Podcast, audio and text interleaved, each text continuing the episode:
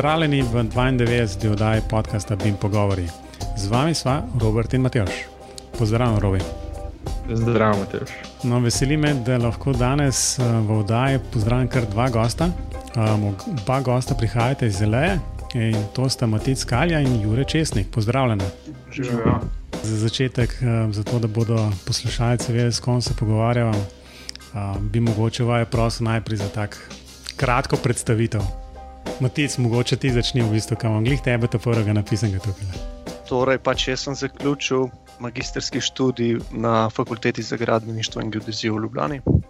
Potem sem bil eno leto zaposlen v bistvu kot implementator BIM tehnologije v podjetju Riko Hiše.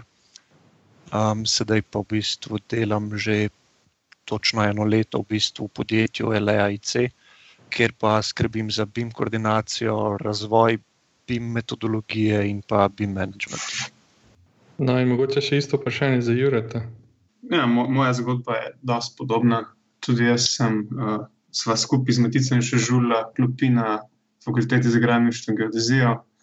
Potem pa po končanem študiju, po magistrski nalogi, sem v bistvu bil še vajen sodelavec kot raziskovalec na fakulteti slabo leto. Uh, na kar sem se odločil pogledati malo tujino, in bil v bistvu pol leta zaposlen kot inženir na Laika Geosystems v Švici, ker pa Švica ni ravno najbolj prijazna uh, država do, rečemo, temu, kdorkoli, ki ni Nemc. uh, sem se vrnil nazaj v Slovenijo, gledal malo za v bistvu BIM.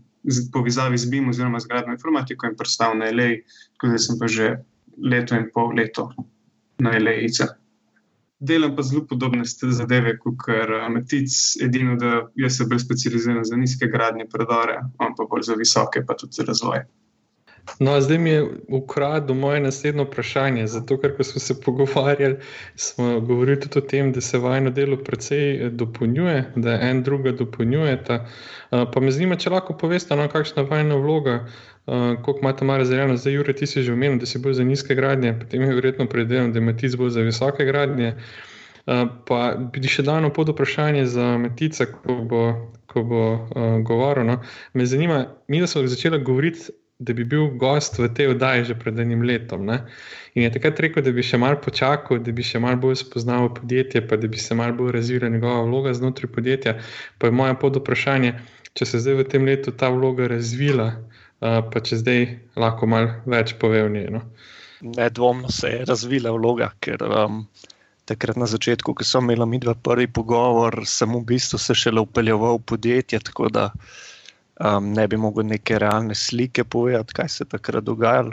V enem letu se pa marsikaj spremeni, tudi tekom razvoja spoznaš neke nove stvari, nove prijeme že same zahteve strani naročnikov so se spremenile v tem enem letu, tako da mislim, da je to zdaj bolj primeren čas za kakšno komentiranje, glede le, kot pa je bil takrat.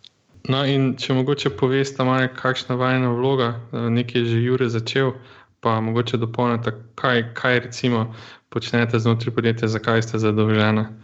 No, če, če sem jaz začel, bom še jaz nadaljeval. Um, dejansko pač najnoradni nezuje BIM koordinatorja.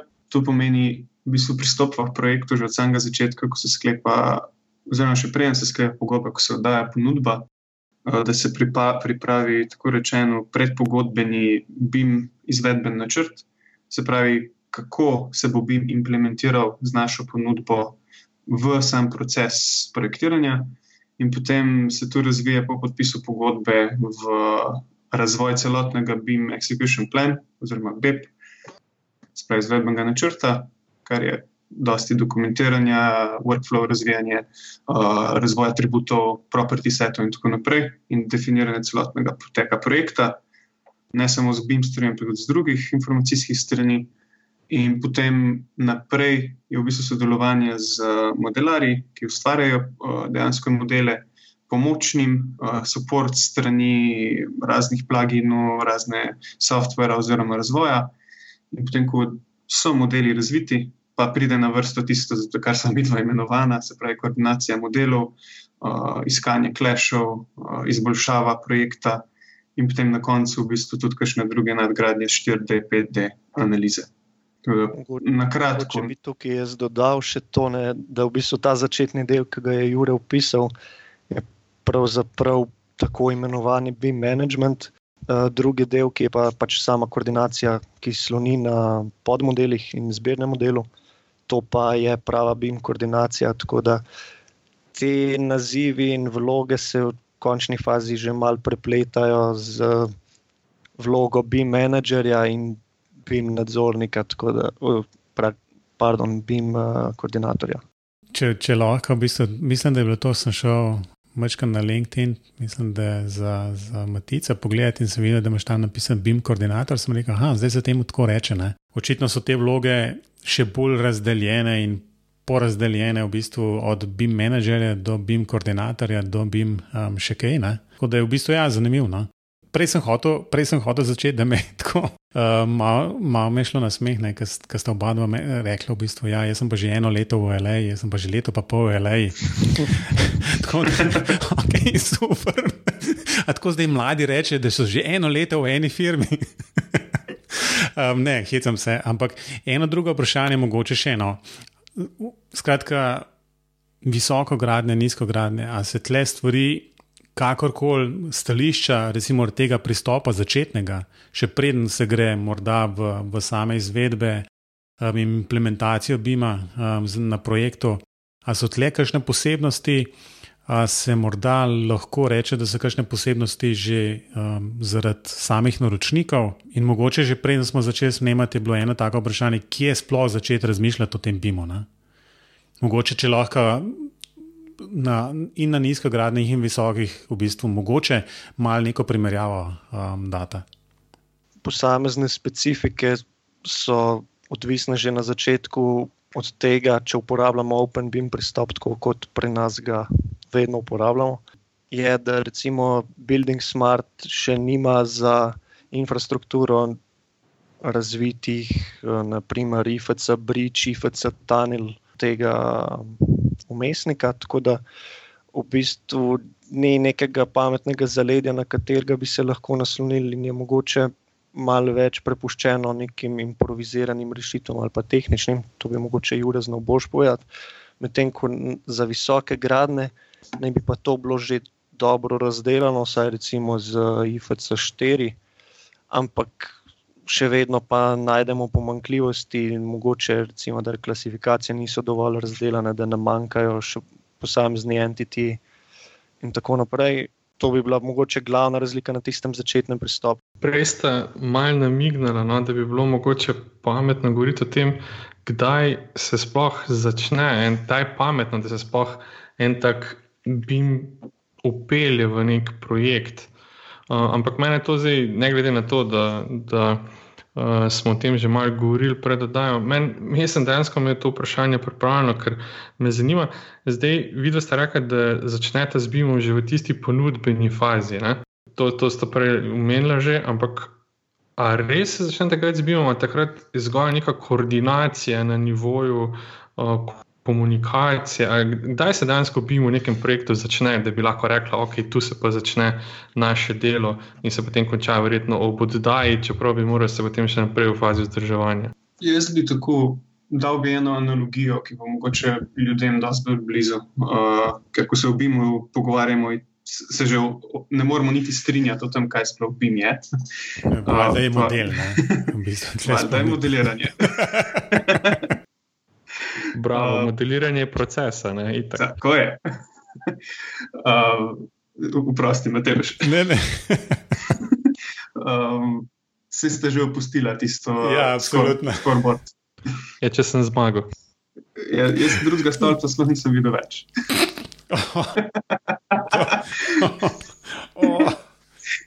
Bo se sami končala, da. Uh, resno.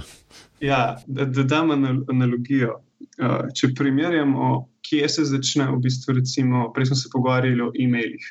Ne začne se takrat, ko začneš tipkati e-mail, ampak se mora celotno ozadje postaviti gor. Celotna mreža, celotno vzpostaviti vse, in potem še lahko si nekdo pošilja e-maile med sabo. Na tem načeloma mi tako vidimo tudi BIM. Da v bistvu je treba s tistim BIM execution planom, torej BIM izvedbenim načrtom, vse premisliti, kako bomo sploh končni produkt lahko uporabili, kako bomo tiste informacije lahko sploh unesli, kako jih bomo lahko uporabili, kako jih bomo lahko pretvorili v znanje. In za me in za nas, v bistvu, najlej se začne ta BIM proces že čisto na začetku. Že postavimo celotno obrodje. Um, ja. Če upoštevamo še ERA dokument, se pravi zahteve naročnika, če so te dosti dobro razdeljene, to pomeni, da lahko mi že dosti dober uh, BIM execution plan pripravimo. Če pa te niso razdeljene, pa treba se že v bistvu tam posvetovati z naročnikom, pa razdeliti njegove želje. Mogoče, tako da, pa, glede, recimo, dve možnosti. Glede na to, da je BIM zdaj v zadnjih letih pač zelo seksi, če tako temu rečemo, pa bi vsi bi kupili eno kilo BIM-a. Um, a so zdaj naročniki, pa investitorji, a so že kaj bolj izobraženi v, v tem, kaj BIM sploh je, pa kaj jim lahko prenaša, ali bi dejansko imeli po ne vem, deset dek BIM-a tule, pa tam, pa tako naprej, pa niti sami ne vejo, kam bi ta BIM namazali. To je bilo zdaj za, za praznike, rečeno. ja, zraven šunke, pa jajček. No. Vse veste, ja. kaj mislim vprašati. Ja, bom jaz ti proval odgovoriti najprej. Uh, po mojih izkušnjah je tako, no, da naroč, večina naročnikov ve, da si želi BIM, ker naj bi s tem nekaj pridobila. Uh, in v ta namen najame določenega konzultanta, ki mu pri tem pomaga. Pogosto gre to v smer prezahtev, prevelikih zahtev strani naročnika, zaradi tega, ker pač konzultant se skuša izkazati in um, pokaže vso svoje znanje, vse, kar ve o BIM-u, ko se pogovarja z naročnikom. In tudi ta dokument, ki so potem končne zahteve naročnika, zgleda mogoče malo pretiran. Take so moje izkušnje v zadnjem času. No. Um, so So pa tudi naročniki, ki so pa sami dovolj izobraženi, kar se BIM-a tiče, se pravi, poznajo pravila igre, metodologijo nasplošno in so v bistvu sposobni komunicirati skozi celoten proces s projektanti in tudi potem z izvajalci. Recimo. Ja, predvsem, da imate take naročnike najrajši, ker je z njimi najlažje delati. Ampak um, recimo, če potencialno pride en tak naročnik, investitor, ki ve, kaj želi, ki ve, kaj bi jim, ki ve, kaj mu lahko prinese. Eh, kako z njim začnete komunicirati, torej, da ti dokumenti, pripravite ti dokumenti, potem pa najverjetneje vzpostavite neko podatkovno okolje, kako koli temu rečemo. Ne? A imate vi znotraj firme izbrano kako preferenčno podatkovno okolje, ali se prilagajate vsakemu projektu posebej? Zdaj, tako, nekateri naročniki, ko, še posebej tisti, ki so že imeli projekte, ki, ki, ki so bili podprti z BIM-om, imajo že svoje preferenčna okolja. Tako da v nekih, še posebej v tujini, so ta okolja že, recimo, temu določena in je treba znotraj njih, znotraj njih sodelovati, um, in dejansko se moramo mi potem prilagoditi. Zdaj, za projekte, kjer je pa to odprto, pa v bistvu mi pogledamo, katero okolje bi najbolj, najbolj ustrezalo namenu. Če je namen samo izmenjava podatkov, pa samo neka osnovna koordinacija, v bistvu naročnik hoče samo končni produkt, je to čisto dovolj enostaven, pač CDE, se pravi Common Data Environment, neki cloud-based in je to dovolj. Če pa so bolj zahtevne investitorjeve zahteve, potem je pa treba še bolj integrirane sisteme uporabiti. Recimo, mi smo se na zadnje v živo srečali na konferenci VCF in verjetno sta bila oba na tistem keynotu uh, prvega dne, ki ga je imel gost iz uh, Londona, se spomnite, sta bila tam. Ne? Ja, za Crossrail, tako projektu Crossrail. In jaz sem si najbolj zapomnil eno njegovo izjavo, ki je rekel: BIM je za nas CDE ne? in vse informacije v njem. Se spomnite? Zdaj, on je tu govoril iz stališča, v bistvu oni so predstavljali investitorja, pa nadzor. Ne? In jaz si predstavljam, da za njih je bil neki drug, kot je mogoče za projektante ali pa mogoče za koga drugega. Ampak v kolikšni meri bi se lahko vsaj za določene projekte, projekte strinjala v tem, da BIM dejansko je CDE in vse, kar je v njem. Ja, na nek način drži, da so bistvu bima informacije. Se pravi, če rečemo, da čim več informacij poskušamo spraviti v ta CDE za izmenjavo, potem bi lahko tudi tako rekli. No. Ampak mogoče se ne strinjam, da je BIM samo CDE. No, sej, zato ja, sprašujem. Pro, prosti, kar pove Robert. ne, ne, ne, sej, jaz zato sprašujem, ne, ker meni v bistvu je ta izjava mi je res ostala v spominu, ker je to zelo suvereno povedano. Potem je še nadaljeval naprej, da so imeli težave z prenosom informacij iz CD-ja, pa, pa pač um, pre, kako predati te informacije naprej, to je čisto druga zgodba. Ampak sej, jaz ne trdim, da to je tako. Ne? Mene zanima vajen pogled na to, glede na to, da ste že leto in pol samo to delali. uh, ne, se se hecam. Mislim, to je, to je dovolj dolga doba, da znate oceniti, ali ima taka izjava res dovolj veliko težo, ali je mogoče treba malo pojasniti. No, se zato sprašujem, ne zato, da bi se morali strinjati ali pa ne. Jaz bi tukaj dal eno, pri njegovi izjavi, na tako zvezdico, uh, ker za njih za njihov projekt, ki se je začel leta uh, 2008 in se je začel konkretno razvijati 2012-2011, to res drži. Ker oni so zahteve dali, predvsem so bazirali na ne BIM, kot ga poznamo sedaj, vem, deset let kasneje, ampak predvsem so bazirali na 3D CAD-u, ki mu lahko pripisujejo samo neke osnovne zadeve. In jaz, sem bil pred petimi leti v Londonu, na Bentley Systems, kateri so v bistvu vzpostavili njihov CDE in ki so v bistvu vzpostavili celoten sistem komunikacije in izmenjave podatkov in izmenjave modelov. In pri njih je šlo predvsem za izmenjavo modelov in pa za končno koordinacijo med modeli ni šlo za nobeno višjo stopnjo predvidevanj, ni šlo za nobene nadaljne analize, ampak predvsem tudi, da je šlo iz 2D tehnike na 3D usklajeno tehniko. In za to, za to potrebo je CDE popolnoma dovolj. Za kakšne više potrebe, za kakšne bolj informacijsko izpopolnjene zadeve, je pa vprašanje, če je to tudi dovolj ali ne. Um, ali lahko, lahko Jure, kaj več poveš o teh um, recimo, nekih dodatnih zahtevah, eh, ki si jih zdaj omenjal? Recimo, dodatne zahteve, um, da recimo, želimo znotraj našega okolja, um, kar nekatera pač že počasi omogočajo, zdaj, da vidimo časovni potek našega projekta preko naših 3D modelov.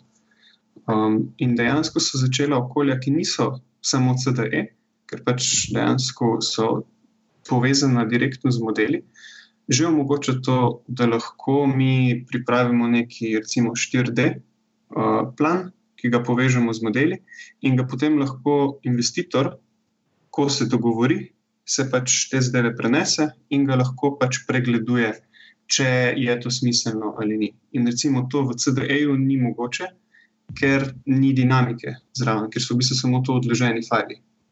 Če se mene vpraša. Ja, zdaj, ja, se strinjam. Um, lej, super, vsekakor je zanimiv um, pač ta pogled, ne, um, kjer pač dejansko, kot so se včasih z robijem pohecali, da je ta CDE, tako kot ne vem, Glorified FTP, nek server, kamor pač te modele gor dajes, izmenjuješ um, in nič drugega. Je pa najbrž vprašanje, kaj dejansko, ne vem, um, določeni te neka določena CD-je okolja omogočajo. Ne?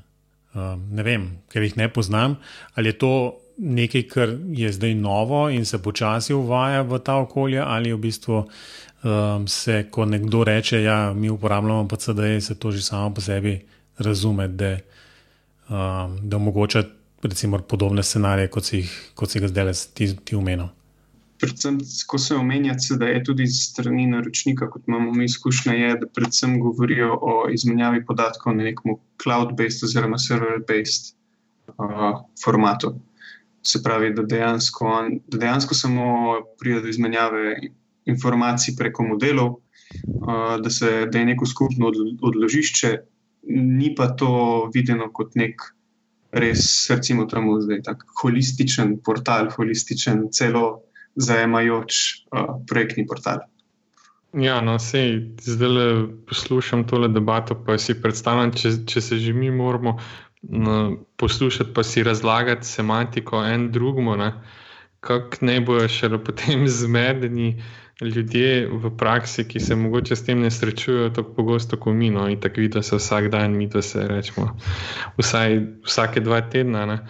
Um, ampak tako no, se mi res zdi, da je zelo pomembno, da mislim, zelo pomembno za vse skupaj bi bilo, da bi znali enoznačno definirati vse te osnovne stvari. Ne? Pa pustimo zdaj, kaj je BIM, ne? ampak že CDE je treba zraven dati zvezdice, pa razložiti, kaj je CDE v nekem primeru. Ne?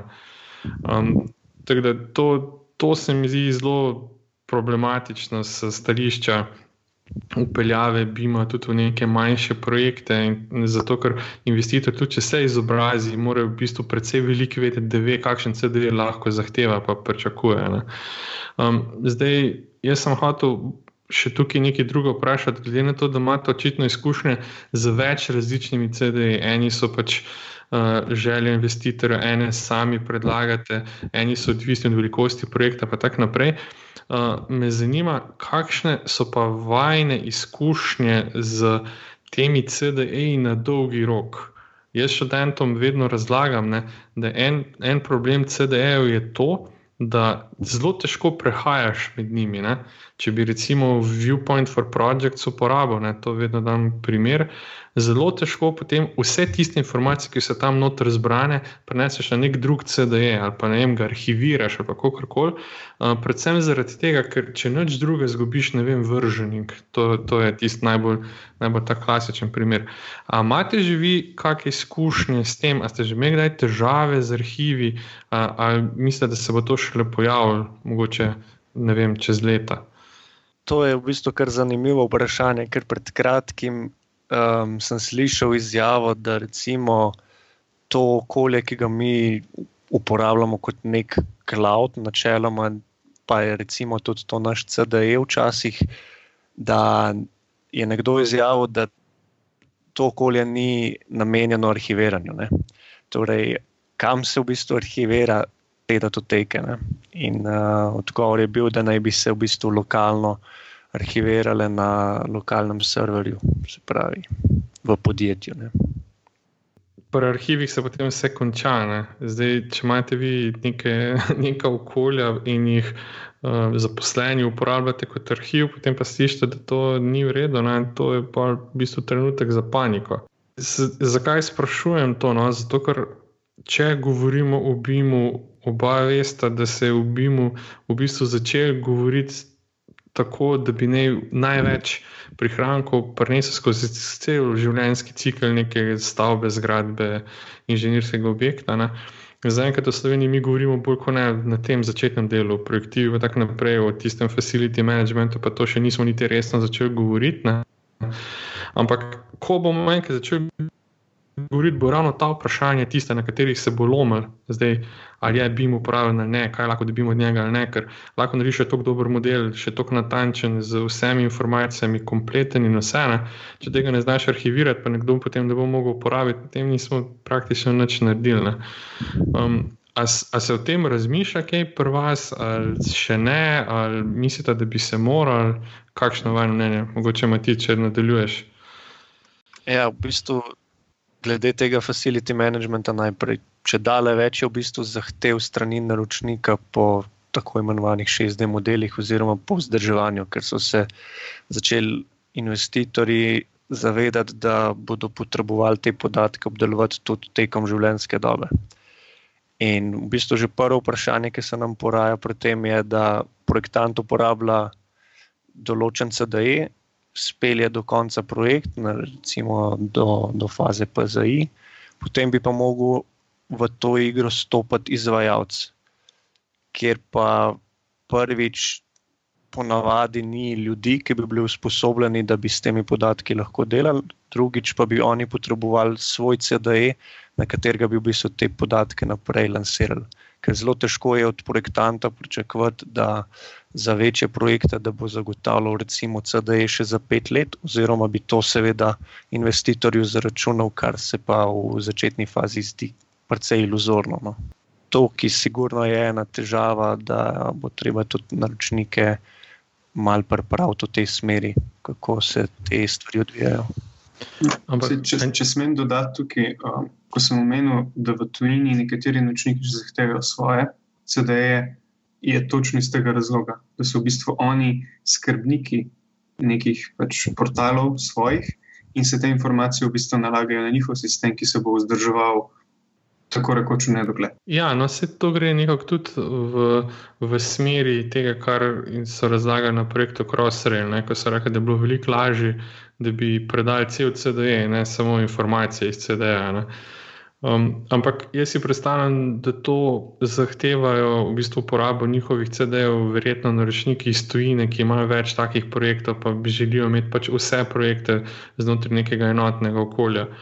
Um, zdaj za te slovenske manjše projekte je to verjetno za enega če iluzorno pričakovati. Obstaja in nekaj par naročnikov slovenskih, ki bi po nekaj projektih, ko bi izvedli, jih lahko uporabili.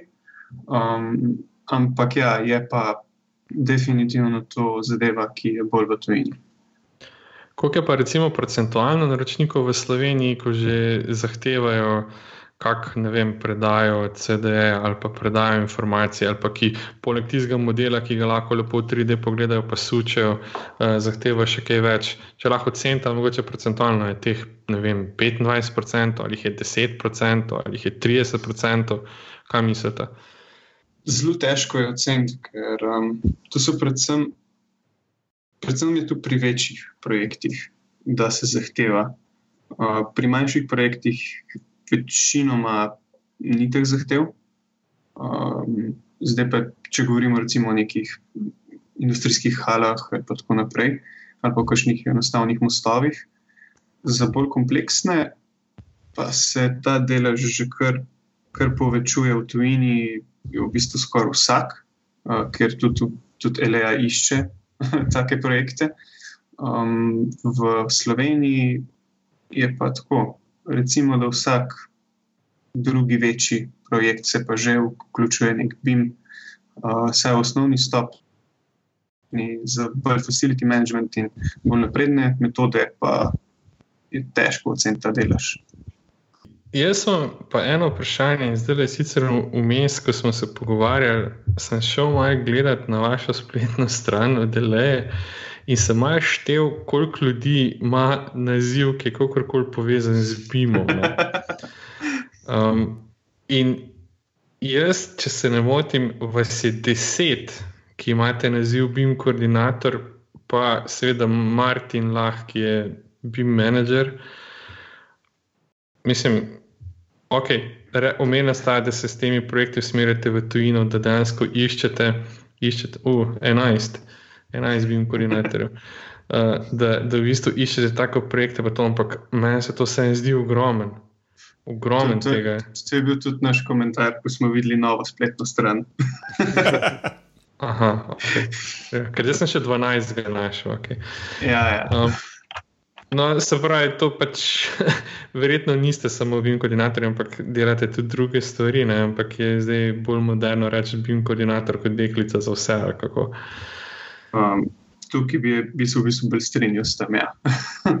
da, um, pač na začetku so bili to pač BIM modelari, predvsem in potem se je to v, ali v nekem šumu, v komunikaciji, ali v, uh, ali v, pač, ja, v nekem uh, promocijskem namenu pač, ja, spremenilo. In smo, smo se vsi malo posmejali in začeli spet delati na projektih, kot vsak dela na projektih. Yeah. Ja. Uh, deloma je pa še drug razlog, mogoče, ker uh, za posamezno disciplino vseeno obstajajo BIM koordinatorji, ne, ki v bistvu se ne ukvarjajo recimo z zbirnim modelom, ampak se pa ukvarjajo z svojim modelom in recimo na tem nivoju upravljajo uh, koordinacijo, pa tudi mogoče kakšne kontrole kolizij in tako naprej. Tako da lahko rečemo, da delajo tudi delno BIM koordinacijo. Aha, se pravi, delo BIM koordinacijo na nivoju svoje discipline, če rečemo tako. Tako, tako, vseeno je pa številka precej visoka, ki se jo naštevno. Uh, je mogoče tudi za nas to znak, da, da malo pregledamo spletno stran in te navedbe. Morda res. Ja. Mislim, to je empirično dokazljivo, se jih lahko res tako gor, pa pač štejete. Ja. Um, ja, no, mislim, jaz moram reči, no, da, da sem kar mal presenečen nad, nad uh, stvarmi, ki jih pravta. Um, meni se zdi, da, da je ta BIM pristop, kako koli temu rečemo, da je prva že v bistvu to edini pristop, na katerega delate, če se le da, ali mogoče dobro napačen vtis, ali, ali gre res v tej smeri. No? Mm, ne. Dejansko so tudi projekti, v katerih bom govoril sam, predvsem za konstrukcije, ker pač to je tudi predvsem fokus našega podjetja. Um, tudi projekti, ki, kjer ni nobene zahteve v BIM-u, se delajo v 95% v BIM okolju ker enostavno, enostavno je workflow že tako razvit, da je, da je in bolj efektivno, in lažje, in na koncu da pač boljši ali isti rezultat kot prej. No, to je zanimivo, ker v Sloveniji se je dosti časa govorilo o tem, pa so se sprašvali ljudje po dogodkih, kdo bo plačal za to dodatno delo, da se bo BIM model razvijal. Um, pa je bilo po drugi strani skozi nekje v zadju ena taka misel, da z BIM-om bi moralo prihajati do prihrankov ali v času, ali v denarju, ali v bojem, ali kako koli. Tako da se mi zdi to en tak pokazatelj, da morda ne vem, pa vseeno ni treba pričakovati, da bo investitorji pokrivali.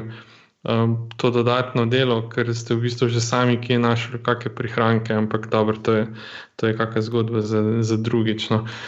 Mene samo to zanima, ali mislite, da je zdaj ta BIM res nekaj, o čemer bi morali še posebej govoriti, ali je to zdaj že tako vse prisotno, kot je vem, risanje bilo z AutoCAD-om v 90-ih. Um, ali še, še zmeraj moramo tako podarek delati, ali so pač ta BIM, ta pristop, pa ta urodja, ali to, to pač je, moramo uporabljati in to je zdaj gradbeništvo. Predvsem je odvisno, s kom se pogovarjaš. Ker imaš ljudi v gradbeni stroki, ki sploh še niso slišali za to metodologijo, in jim moraš pojasniti čisto od začetka, s čim se pravzaprav ti ukvarjaš v gradbenem podjetju. So pa ljudje, ki pač razumejo ta delovni proces in ga celovito uporabljajo. Da, ampak jaz bi rekel, da ljudi, ki res vejo, kaj pomeni BIM, kakšne so prednosti, pa ki so speljali že nekaj projektov, je vsaj v Sloveniji zelo malo, kar je potem tudi problem um, raznih združenj in v bistvu koga sploh vprašati za kakšen nasvet, takrat, kadar je nekaj izven okvirjev. Um, in s tem se soočamo, tako da v bistvu je vsaj naš ciljni tržni segment, tujina, kar se tega tiče, in tudi mogoče podjetja v tujini, s katerimi lahko sodelujemo, da lahko dvignemo to na nek nov nivo in pa da se zadeve razvijajo. Eno vprašanje bi vsi, mogoče sem vrnil mačken na začetek, um, ampak me v bistvu zanima tudi stališče morda študentov, ki to poslušajo, pa zdaj počasi končujejo, ali pa tistih, ki služba menijo, pa bodo prišli na LE delati. Um, pa bojo po letu rekli, da že eno leto tam so. Um, če se vrnete nazaj na začetek, kaj je tista, recimo, ena stvar, ki vas je presenetila, ali v obliki dela, ali nas, skratka, nas nekaj, kar lahko ali zbimo povežete, ali samim delom. Um, ne vem, v zgodovini ste bila direktno na, na to pozicijo, BIM koordinatorja postavljena ali sta v bistvu bila najprej nekaj drugega, ne, pa pol BIM koordinatorja. Ampak v bistvu je ena stvar, ki, recimo, če se vrnete dejansko nazaj na začetek, je morda drugačna, kot ste je pričakovali, pa morda zdravo še, kaj se v tem letu, ko sta nekje blizu LE, ali pa leto pa pol, tako drastično spremenila. Ena zadeva, ki, ki jo jaz osebno nisem pričakoval, pa ko smo se že pogovarjali, v bistvu, ko smo bili na razgovoru, so mi omenili uh, je, da koliko je treba dejansko še vedno delati na nekih uh, standardih internih znotraj podjetja, koliko je treba razvijati neke baze podatkov, jih ustvarjati in implementirati. in kako se to delo nikoli ne konča. uh, ker dejansko, sicer mogoče deluje, da v L.A. imamo vse naštudirano in vse v nulo vemo, ampak to je tisti začeten korak. Tistega smo že tukaj ponovili, da modeliranje poznamo, vemo, kako deluje. Zdaj, pa katere vse informacije prenesemo, kako jih prenesemo, kako jih potem delovati, to je pa tisti, rečemo, zabaven, skrati pa najtežji del. Um, in ta se ne konča, ta je vedno v razvoju. No, ok, dobro odgovor. A, mogoče samo še ena, ali bi pomagali boljši standardi, mednarodni standardi ali pa tudi naši slovenski, um, glede tega, pa se je pač nedorečenost ali pa ne razvitost teh standardov pač tista, ki jo pač nadomešate s tem dodatnim delom. Jaz mislim, da sicer bi pomagala, ampak kot vsi vemo, gradbeništvo ima specifične projekte, dva projekta praktično nista enaka med sabo in tudi zahtevata svoje specifike, tudi svoje informacije v taki ali drugačni obliki. Mi se že v bistvu kar nekaj časa ukvarjamo s postavitvijo raznih podatkovnih baz, prek katerih si želimo uh, čim več izmenjave, tudi v BIM modele narediti. Ampak v bistvu vedno znova ugotovimo, da nek del podatkov je specifičen za posamezen projekt in jih bo treba nekako dodajati. Tako da standard bi sicer pomagal za nek okvir, tudi za, recimo, za popise, ta slovenski standard še vedno ne obstaja, ki ga zelo pogrešamo. Um, nam bi pa to sigurno mogoče lažje, potem, ko govorimo o 4D, pa 5D analize, pa nikoli se jih ne da dokončati čisto v tej pravi meri, kot bi si želeli in je tukaj standard, siguren korak v pravo smer. Ampak jaz mislim, da ga še nekaj časa ne bomo dočekali. Metic, ali lahko mogoče še tebe izval, da mogoče poveš, kaj tebe najbolj presenetilo, tako ti ure, kaj pa tebe najbolj presenetilo pri tem delu, v tem času, kar si na Eleji, pa mogoče tudi prej, ne vem, kaj si prej počel. V bistvu mogoče dve stvari. Prvo, da ko sem prišel v Elejo, sem videl, da OpenBeam z povezavi z nekim ogromnim številom različnega softvera dejansko deluje na projektih. To je bila prva stvar. Druga bi bila pa mogoče, kako pomembno vlogo ima informacija zapisana z navadnim tekstom, mogoče celo odprta v Notepad. To, bi bila, to je bil mogoče nek tak šok, ker sem se prvi mesec ukvarjal samo uh, z z golim tekstom, z besedilom, z zapisom, kako je to v IFC-ju zapisano. Um, in potem v bistvu odkriješ, zakaj so pomembne informacije. Če se pa mogoče navežem na, na mojo prejšnjo službo, je pa v bistvu delo s podatki precej podobno. Tudi tam smo se obadali s tem, kako standardizirati uh, postopke, kako čim bolj optimirati delovni proces. To se dogaja tudi v LA, je pa pač nivo tega zaradi eh, razvitosti BIM-a v podjetju in pa velikosti podjetja pač na neki drugi ravni. Zdaj smo že tokrat omenili, da, da sta oba študenta FGG-ja iz Ljubljana. Vem, da oba sta, mislim, da tako mlada, da ste tudi že pri meni, ki je imela. No. Mene zanima, glede na to, da sta vidno prišla na trg v neki zelo specifični, v nekem zelo specifičnem trenutku, ko je ta BIM res se začel razvijati, ko je dobival na veljavi, ko, ko je bilo v bistvu, ko so bila potrebna neka nova znanja, ki jih prej ni bilo. Pa me zanima, če bi lahko ocenila, ali sta prišla vsaj ali pa v kakšnem deležu sta prišla na trg pripravljena na te nove tehnologije, koliko sta v njih slišala na fakulteti, koliko sta sama uh, znanja pridobila. Mislim, če lahko komentirate kaj uh, na to, no. pa bi seveda želel od obeh spet slišati, da, ker verjetno nista bila skozi sošolca, pa skozi skupaj. In en sodelavci je rekel, da ni važno, v katerem letniku smo bili, se smo na koncu bili vsi sošolci dejansko, če povem za sebe, jaz sem se že v prvem in drugem letniku faksa videl, spravi pri tisti, um, kaj še bilo, inženirski, ne informatiki, digitalno načrtovanje in še en predmet. uh, Robert, pri katerem si bil v bistvu tudi ti. Um, sem videl, da je to integrirana graditev. Prvi letnik, prvi, prvi, prvi letnik. Um, pisne geometrije se vrne. Ja, inženirska komunikacija. Inženirska komunikacija, tako. Um, pri tistem, v bistvu, jaz sem prvič prišel v kontakt, z, da se je omenil BIM oziroma karkoli 3D in tako naprej. In takrat sem se jaz prvič vprašal, zakaj, zakaj to ni že razvito, zakaj, zakaj to vsa podjetja ne uporabljajo in sem se odločil, da je to je pa zadeva, ki jo jaz hočem početi.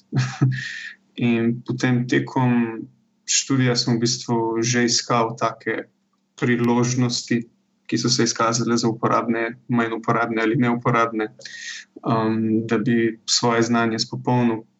Potem pa v drugi, pravi, drugi polovici študija, v, na drugi stopni, so pa šele prišli ti predmeti, ki so dejansko mi pomagali malo bolj podrobno znanje uh, izpopolniti.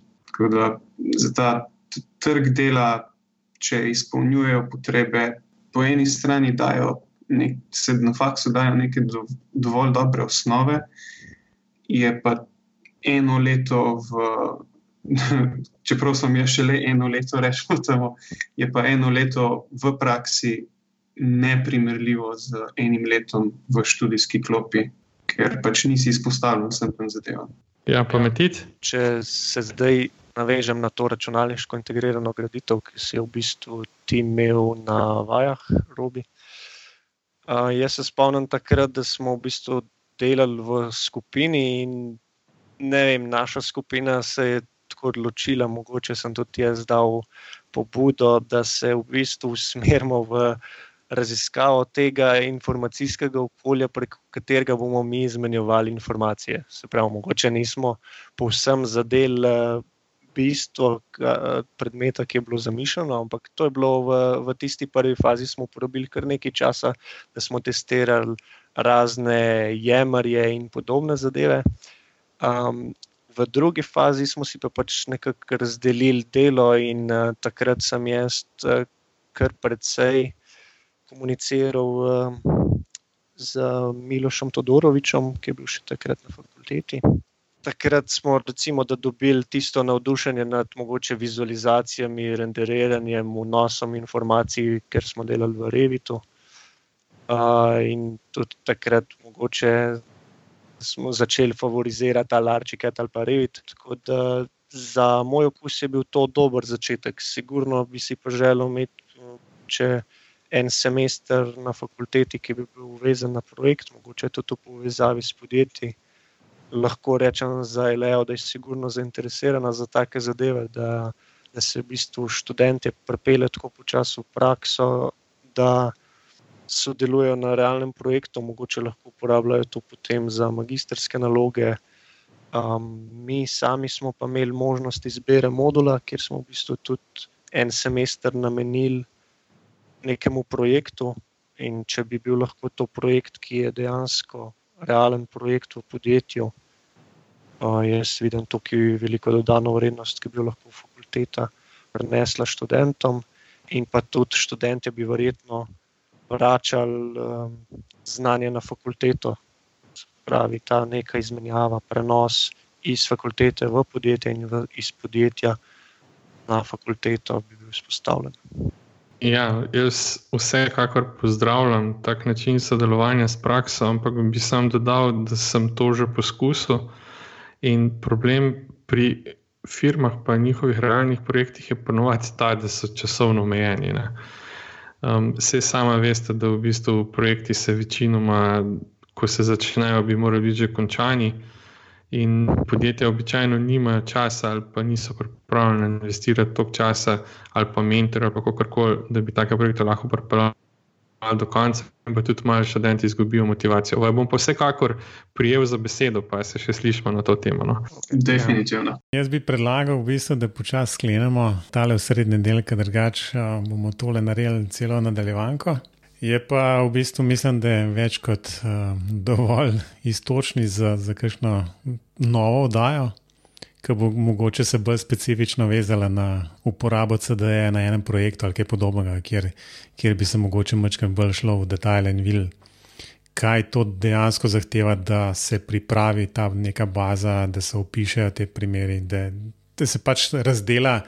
Mogoče bolj natančno se cel ta postopek. Vsemi tistimi dokumenti, ki sledijo iz tega, kako že tisti um, BIM model ali procesa. No. To je potem, kot je Star Wars, šesti del, BIM vrača udarec.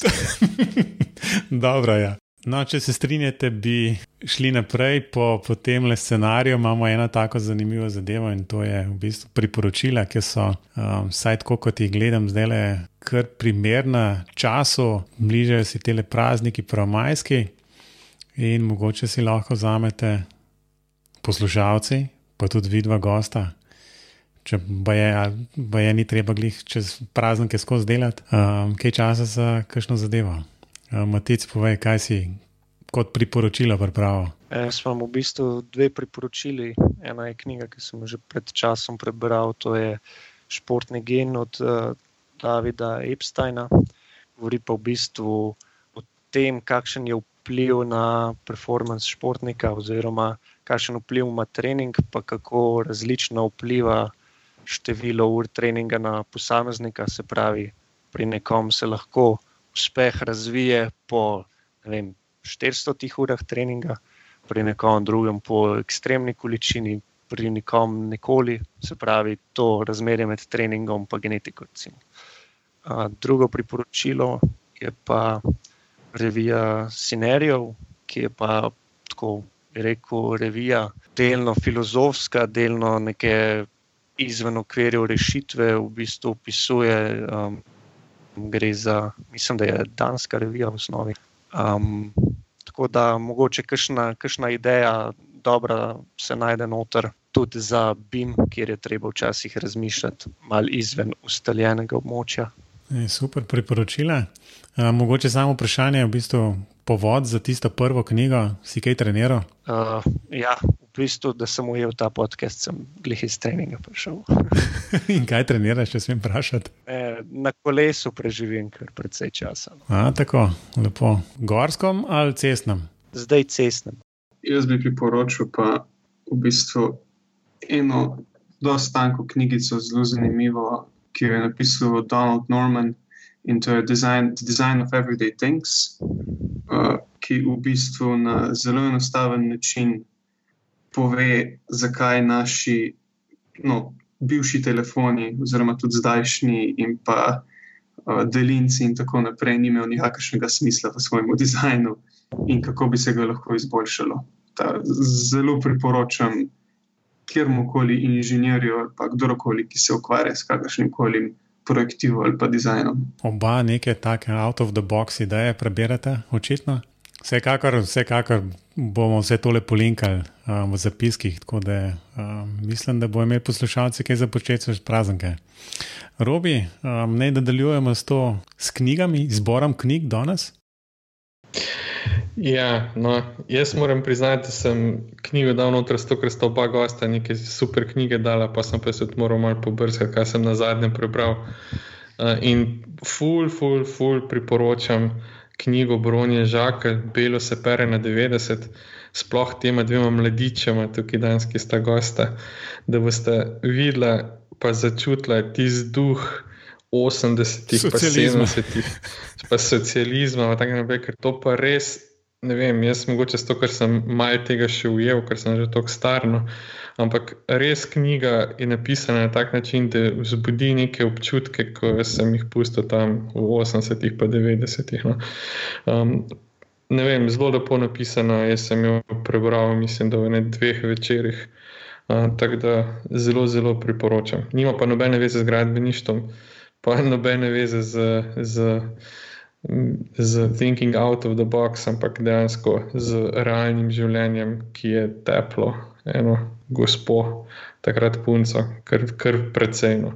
Res je, pa naj ti izdam v bistvu, pa zdaj se nam še niti hvaliti, ampak uh, zbrone poznam že od, ko sem bil v osmem razredu, oziroma še prej, šestem, sedmem, ker smo skupaj smučala.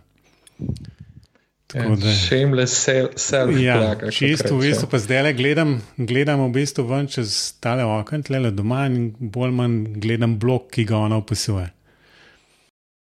Ja, zdaj si vsem povedal, kje si doma. Točno to.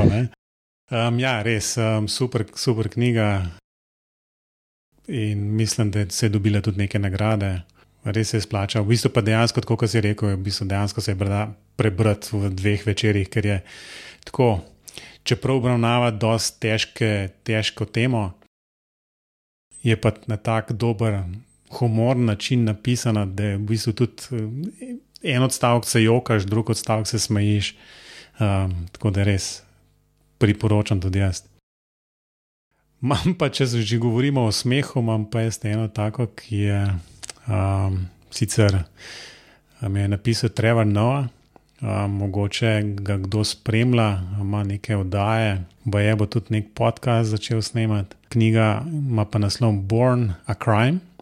Stories from a South African Childhood, res skozi spet zelo humoren način opisuje interplenje in, in radosti odraščanja v, v Južni Afriki v času apartheida.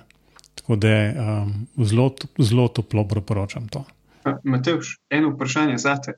A sploh še bereš realne knjige, samo še podcaste, oziroma audio? V bistvu, v bistvu sem se danes to sprašval.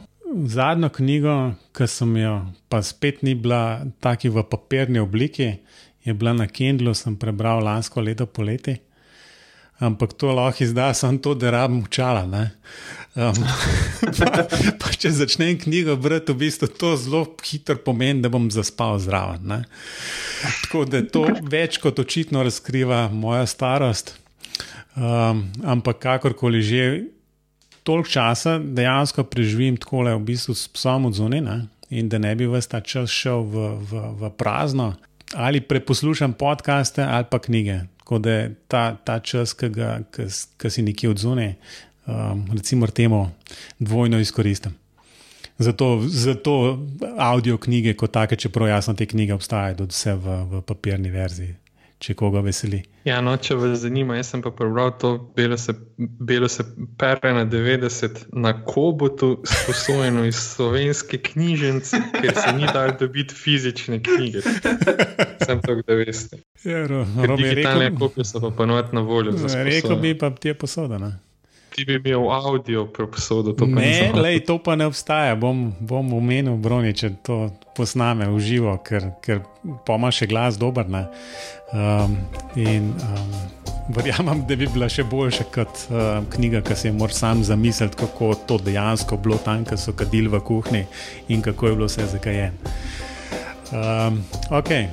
um, mislim, da je to vse za te današnje pogovore. Um, Matic in Jure, res super, hvala, da ste si vzeli čas. Um, upam, da bomo še kdaj našli um, razlog ali pa dva, um, da, da kaj rečemo odkole um, na podkaste in se jasno tudi vidimo, kje je v živo. Um, moram reči, da sem pomislil, prej smo še začeli snemati. Sem rekel, da bom danes bom več z Juretom govoril, kot takrat, ko je bil pri nas na katedri. Jure, ne tega osebno vzeti, jaz sem, doseg, jaz sem zmeri tako, v bistvu, kar robijo vprašanje. To zelo slabo govorijo meni, ampak um, se bom popravil. Urede, jaz sem se zaradi tebe naučil rubiti, programirati. Odlično, evo, super. Um, je ja, noč, Matic in Jure, povejte, kam vaja lahko, lahko najbrž kakšne maile um, zapišemo v zapiske, kamor vam, vam lahko poslušalci kaj napišejo in vprašajo, kje CD je zdaj in kje pa out. Um, najbrž pa maile, ker naj, najbolj je tam, kjer, kjer so sami BIM koordinatorji napisani na LA-ni strani, um, so tudi tele naslovi. Ne? Tako je.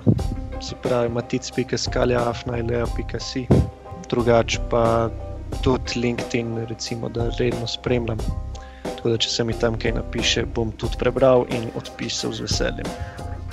Vse za me je pa isto, jure.cestnik, afnele.si, na LinkedInu pa mogoče malo traja, da odpišem. Ja, no, jaz sem še vedno na robertafnaklinc.net, na LinkedInu pa novet odpišem tam med Maticem in Juretom.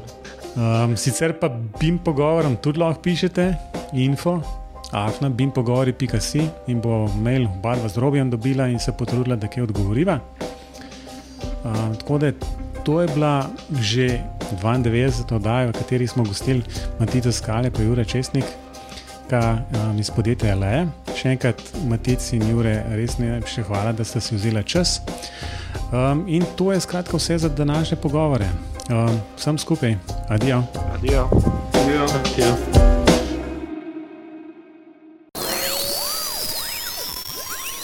Smo pa usklajeni, ko Thinking out of the box, pa pa vsi ste pozdravljeni.